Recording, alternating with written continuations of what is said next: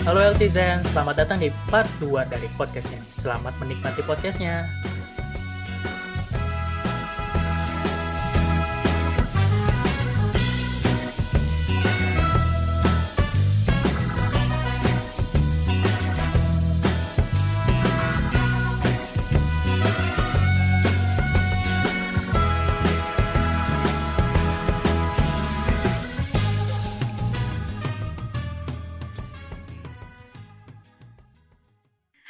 Oh iya dokter, uh, jadi kan tadi kan uh, kecemasan ini yang dirasakan teman-teman ini apakah ada hubungannya dengan penggunaan media sosial dokter? Karena mengingat dengan pembatasan sosial ini kan cara untuk berinteraksi hanya menggunakan online ataupun media sosial dokter. Ya, jadi kalau terka keterkaitannya dengan uh, menggunakan media sosial, nah uh, itu tadi kalau misalnya harus on kamera ya jadi biasanya jadinya uh, dia ada ketakutan tersendiri.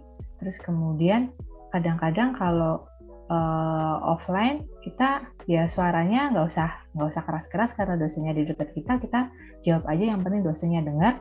Nanti dosennya yang akan mengulang lagi jawaban kita karena dosennya pakai mic dosennya yang akan mengulang jawaban kita sehingga teman-teman uh, satu kelas uh, dengar Nah, tapi kalau misalnya uh, dengan uh, online, ya ketika kita open mic, uh, open audio, ya tentu dosen juga akan mengharapkan kita bicara sendiri yang didengar oleh semua orang.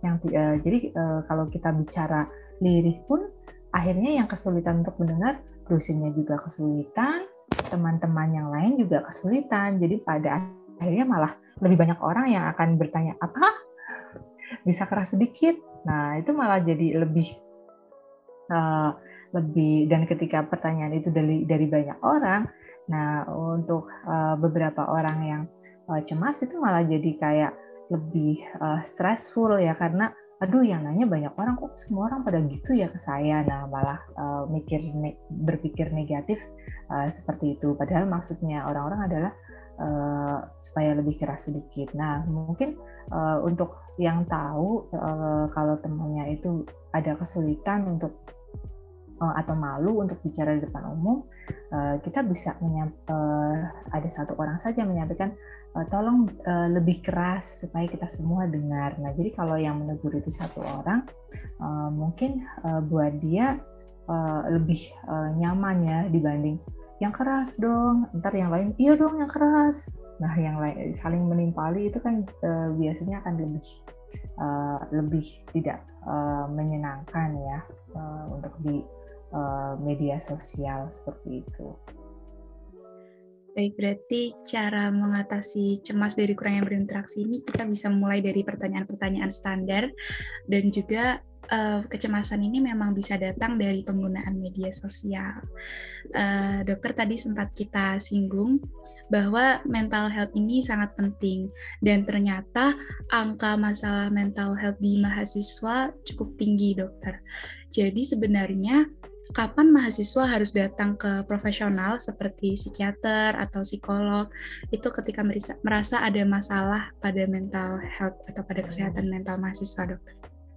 Ya, jadi ya ini pertanyaan yang bagus sekali ya. Kapan sih kita perlu datang uh, ke profesional ketika uh, masalah ini begitu mengganggu? Nah, jadi kalau sebenarnya kalau kriterianya kan sudah kalau ada distress dan disabilitas.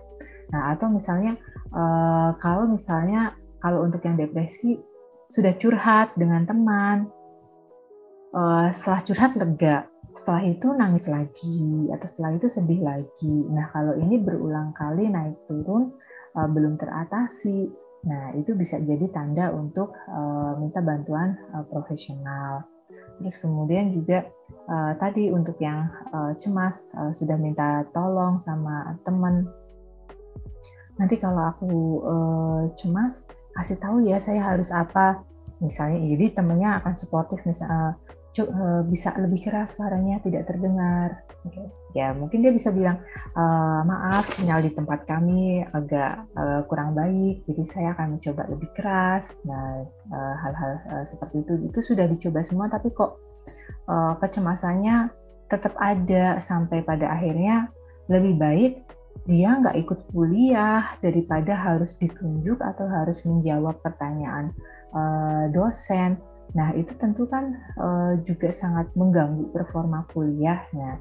Nah kalau sampai uh, karena masalah kesehatan mental atau kecemasan atau depresinya ini sampai tidak masuk kuliah, nah itu sepertinya juga sudah membutuhkan uh, bantuan uh, profesional. Ya baik dokter. Uh, dari banyak uh, masyarakat uh, kami ini kan masih menganggap bahwa yang datang ke psikiater atau psikolog atau ke profesional ini yang datang ke sana itu adalah orang-orang gila, dokter. Nah, sebenarnya bagaimana cara mengatasi stigma yang buruk ini ketika kami atau mahasiswa ini mengalami masalah pada mental health dan memutuskan untuk berobat ke psikiater? Mengingat keadaan kita sebagai mahasiswa, kita kan masih membutuhkan uh, support dari orang tua, sedangkan masyarakat atau bahkan orang tua sendiri masih menganggap yang datang ke profesional tuh uh, bisa dikatakan gila seperti itu, dokter. Ya, oke. Okay. Ya, terima kasih. Ya, ini memang sebenarnya masalahnya bukan hanya di mahasiswa. Ini masalahnya di semua orang awam uh, ketika dikonsulkan ke psikiatri. Kenapa dok saya dikonsulkan ke psikiatri? Saya kan sakitnya sakit jantung atau sakit apalah yang lain. Kenapa apa saya gila dok kok saya dikonsulkan ke psikiatri? Nah, jadi ini sebenarnya pertanyaan yang umum diajukan oleh uh, uh, oleh orang-orang yang uh, dikonsulkan ke bagian uh, psikiatri.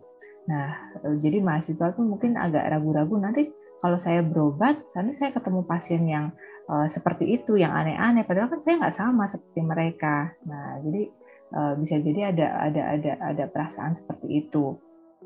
Nah, namun sebenarnya kalau dalam uh, dalam uh, psikiatri itu kan gangguannya tidak semuanya psikotik ya. Jadi kalau di psikiatri itu kan ada gangguan yang neurotik, uh, ada gangguan yang uh, psikotik.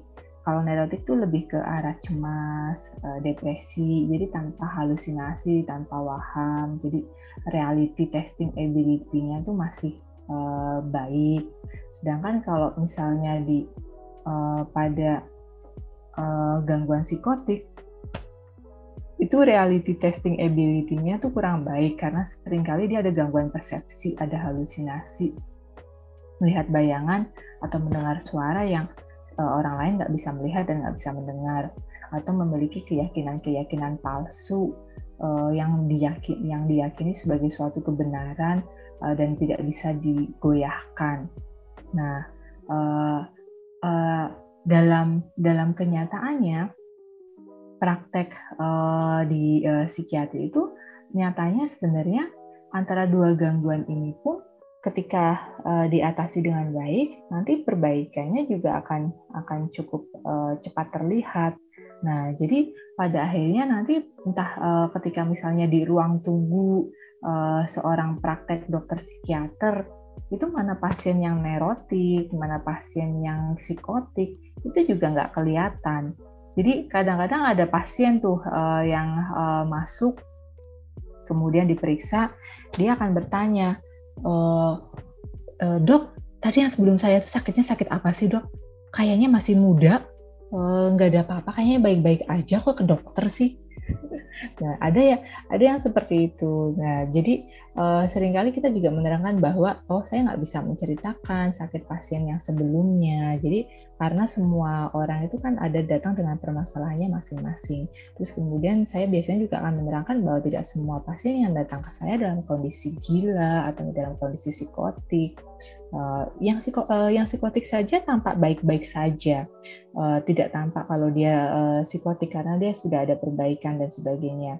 Uh, yang yang neurotik pun uh, juga sering kali yang untuk kecemasan, untuk yang cemas mungkin akan kelihatan dia menarik diri, nggak mau bergabung, ditanya sama orang lain diam saja. Nah, tapi eh, ketika sudah mulai eh, teratasi, ya kadang-kadang ada juga misalnya pasien yang berpikir, oh memang dia tuh nggak suka eh, ditanya-tanya, mungkin dia malu, jadi nggak berpikir kalau itu cemas atau depresi atau eh, apa. Nah, jadi sebenarnya nggak perlu takut ya untuk uh, datang ke psikiatri karena uh, ya prakteknya ya biasa-biasa aja di ruang tunggunya ya tetap aja tetap saja seperti orang uh, di ruang tunggu pasien-pasien yang uh, lain yang tidak sampai ada hal-hal aneh yang terjadi.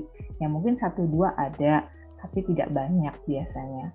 Terus kemudian juga banyak juga kayak misalnya uh, saya kan memiliki kayak praktek psikoterapi nah ada juga yang uh, beberapa pasien saya yang sudah uh, pengobatannya sudah baik, jadi dia sudah lepas obat tapi hanya datang untuk psikoterapinya saja.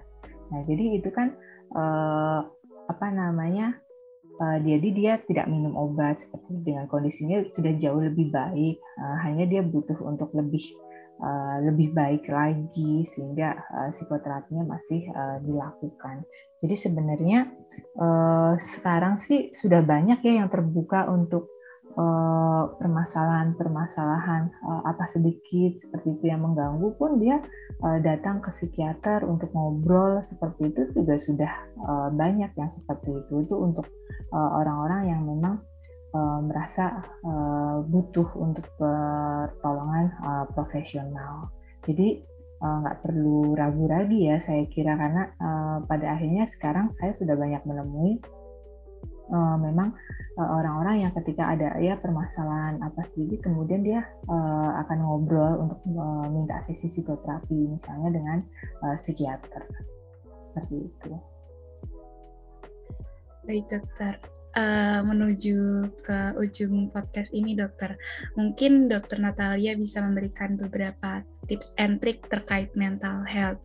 Yang pertama, jadi menurut Dokter Natalia, cara apa yang paling ampuh yang dapat dilakukan oleh mahasiswa untuk mengurangi tingkat stresnya dan masalah-masalah kesehatan mental selama menghadapi perkuliahan online dan pandemi ini, Dokter?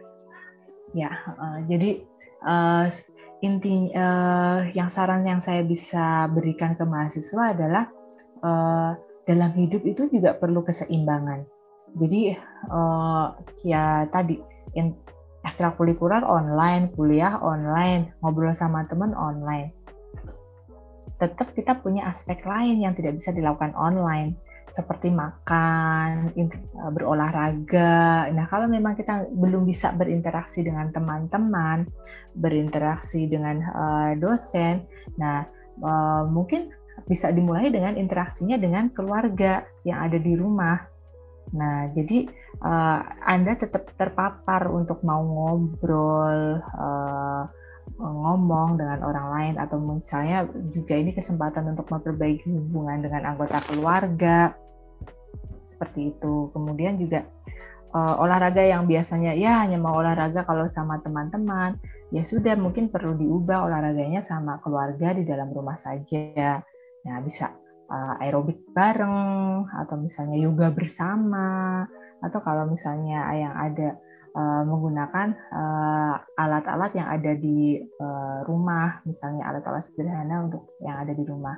Ya misalnya kardio sederhana. Kalau misalnya nggak mungkin nge-gym ya kardio sederhana seperti itu. Jadi aktivitasnya yang di luar online pun harapannya tetap dilakukan di rumah sehingga seimbang on screen dan di luar screennya itu aktivitasnya bisa berimbang sehingga jadi jadi lebih uh, baik metabolisme tubuhnya. Karena kalau misalnya uh, dengan online ngerasa sibuk sekali harus di depan uh, laptop terus kemudian uh, dilupakan kebutuhan olahraganya kebutuhan interaksi dengan orang di rumah pada akhirnya eh, apa namanya karena online jadinya pengennya misalnya makan terus pada akhirnya ada peningkatan berat badan malas aktivitas yang itu tentunya eh, kurang baik nah nanti malah menimbulkan masalah baru eh, untuk eh, mahasiswa di era pandemi ini.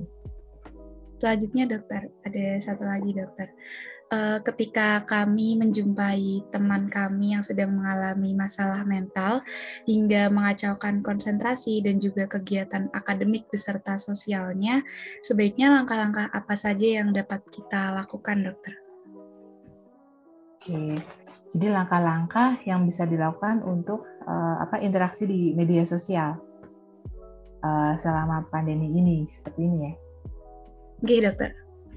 Ya, Uh, jadi uh, kalau untuk di uh, media uh, sosial, jadi ada juga beberapa uh, apa namanya pasien uh, saya yang kayak misalnya mulai uh, terjebak untuk beberapa kegiatan media sosial. Uh, uh, mungkin uh, mungkin nggak semua orang ya. Kalau untuk yang yang baik-baik saja tidak ada masalah kesehatan mental, uh, mungkin bermain Instagram, bermain TikTok uh, itu uh, tidak tidak masalah, tidak sampai menimbulkan uh, masalah tertentu. Tapi ada beberapa pasien saya yang justru kayak tertrigger dari medika eh, dari media sosial. Jadi misalnya melihat YouTube atau TikTok ternyata kontennya itu konten yang relate uh, dengan dia, misalnya konten putus pacar sehingga dia yang mau move on justru semakin uh, sedih seperti itu. Nah, atau misalnya uh, dia mau uh, move on uh, uh, ternyata banyak konten-konten uh, hubungan anak dan orang tua yang uh, kurang baik misalnya di uh, TikTok atau uh, di Instagram yang pada akhirnya memicu dia jadi nangis-nangis, uh, sedih, kemudian ada ide-ide untuk nggak ada itu yang lebih parah ya uh, sampai seperti itu. Atau ada juga yang uh, beberapa ada yang kayak bermain uh, role play ya di Instagram, uh, terus kemudian uh, asik bermain uh, role play terus pada akhirnya uh, bingung membedakan uh, mana yang nyata mana yang dirinya. Nah tentu ini tidak dialami oleh oleh mahasiswa yang nggak uh, ada uh, uh, gangguan mental ya. Tapi untuk beberapa itu bisa jadi membingungkan bisa jadi aktivitasnya di role play itu jadi kayak kenyataan. Jadi dia lebih asik di role playnya itu dibandingkan uh, di dunia nyata sehingga main role play sampai lupa kuliah dan sebagainya. Atau main uh, game online sehingga lupa uh, kuliah karena main game online lebih asik ya tentunya daripada kuliah yang harus menjawab pertanyaan dosen harus ada tugasnya yang banyak kewajiban-kewajibannya. Nah jadi uh, untuk uh, yang uh, media sosial sepertinya kita juga uh, apa namanya kembali lagi kita mesti melihat diri kita. Kalau dirasa oh saya sedang sedih karena habis putus pacar ya mungkin uh, apa namanya dihindari dulu konten-konten yang uh, seperti itu. Jadi begitu melihat konten seperti itu langsung uh, di uh, stop dulu. Kalau kecuali untuk oh saya sudah lebih kuat saya rasanya bisa lihat konten itu seperti itu. Nah, namun nggak uh, semua orang ya bisa uh, punya kesadaran yang uh, yang penuh atau kesadaran yang cukup baik untuk bisa membedakan kedua hal itu. Uh, kalau ibaratnya gini, kalau sudah uh, ngelihat video misalnya tentang putus pacar satu kali itu stop. Nah kalau ngelihat lagi yang lain itu nanti bisa berdampak. Nah jadi kalau misalnya udah satu kali itu itu stop sebaiknya. Misalnya atau hubungan anak dan orang tua yang kurang baik ya udah satu kali aja itu stop. Kalau diteruskan dengan lihat video yang lain lagi, yang lain lagi temanya itu-itu saja. Nah, itu biasanya akan uh, menimbulkan uh, pemikiran yang uh, kurang baik. Baik, dokter. Uh, pertanyaan selanjutnya, dokter. Jika kita yang menjumpai teman kita yang mengalami masalah mental, uh, apa yang dapat kami lakukan, dokter, sebagai teman seperti itu, dokter? Seringkali untuk uh, mahasiswa yang mengajukan pertanyaan seperti ini sebagai teman apa sih yang saya bisa lakukan sebagai teman? Jadi sering kali orang dengan uh, masalah kesehatan mental itu mereka butuh didengarkan, uh, bukan butuh dinasehati sehingga banyak tuh beberapa yang uh, temannya itu misalnya mengalami masalah kesehatan mental saya udah bilang dok sama dia saya udah nasihati dok tapi nggak nurut-nurut nggak diikuti akhirnya dia lelah sendiri. Nah karena memang uh, rata-rata orang dengan kesehatan mental itu lebih uh, butuh didengarkan uh, daripada dinasihati nah namun kalau misalnya anda sudah mendengarkan uh, kok dia misalnya belum berubah, nah Anda bisa mulai menyarankan. Makanya kan tadi sudah curhat dengan teman, sudah curhat dengan keluarga, kok masih seperti itu. Nah Anda bisa mulai menyarankan sepertinya curhatnya butuh yang profesional deh. Nah seperti itu. Baik, dokter. Uh, dari pembicaraan kita tadi, kita bisa tahu bahwa keadaan tingkat stres dan masalah mental health di mahasiswa selama masa pandemi ini kurang baik.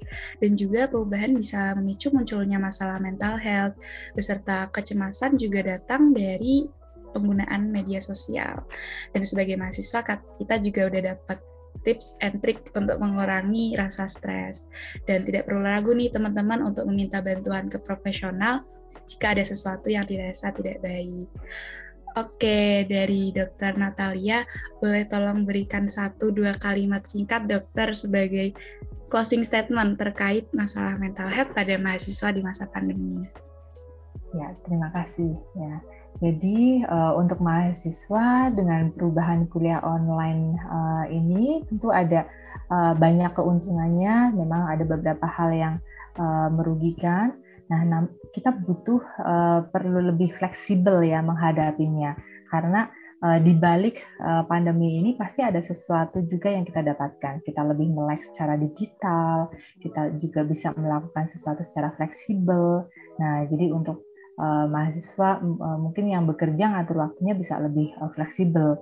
Ya kayak misalnya uh, saya sebagai uh, dosen mungkin berasa sekali ya uh, karena dengan online kalau dulu saya harus ke Tembalang, harus ke Karyadi, dan harus ke RSJ juga. Tapi kalau misalnya uh, dengan online ini kita akan lebih mudah. Jadi dari satu tempat kita bisa menjangkau mahasiswa yang di uh, apa namanya yang S1 ataupun yang uh, spesialis satu. Nah, jadi pasti ketika Anda berpikir kayak burden atau berpikir bahwa ini sepertinya kurang uh, membosankan atau kurang baik atau sudah berpikirnya negatif-negatif yang jelek-jelek, uh, coba uh, berdiam sejenak, kemudian kira-kira ada hal positif apa ya dari situasi ini. Nah, terus kemudian uh, saya hari ini sudah berapa jam ya on screen? Saya uh, sudah beraktivitas yang lain yang nggak di depan uh, gadget atau belum? Apa saya sudah olahraga hari ini? apa makan saya sudah baik, apa saya sudah menyapa keluarga saya. Nah, jadi sehingga uh, kehidupan kita tetap seimbang antara yang di depan layar dengan kehidupan nyata yang uh, di luar layar. Seperti itu yang bisa saya sampaikan. Tetap semangat, semoga ini cepat berlalu sehingga kita semua bisa berkumpul bersama lagi. Oke, seru sekali dokter pembicaraan kita kali ini. Namun sayangnya kita sudah sampai di ujung podcast. Terima kasih banyak atas waktu dan sharing dari dokter Natalia buat kami semua. Kami yakin semua yang disampaikan dokter Natalia ini akan sangat bermanfaat bagi kami, khususnya mahasiswa. Sekali lagi terima kasih banyak, semoga dokter sehat selalu dan semoga pandemi ini segera berakhir. Sebelum menutup podcast ini, saya ingin menyampaikan beberapa kalimat terkait mental health buat teman-teman healthizen semuanya. Mental health ini sama pentingnya dengan physical health. We may not see it. Kita mungkin nggak melihatnya, tapi mental health itu real, dia nyata. So, kenali gejalanya, hilangkan stigma, and let's be physically and mentally healthy. Be fit, be healthy, stay happy. Sampai jumpa di Medincast selanjutnya. Terima kasih banyak, dokter.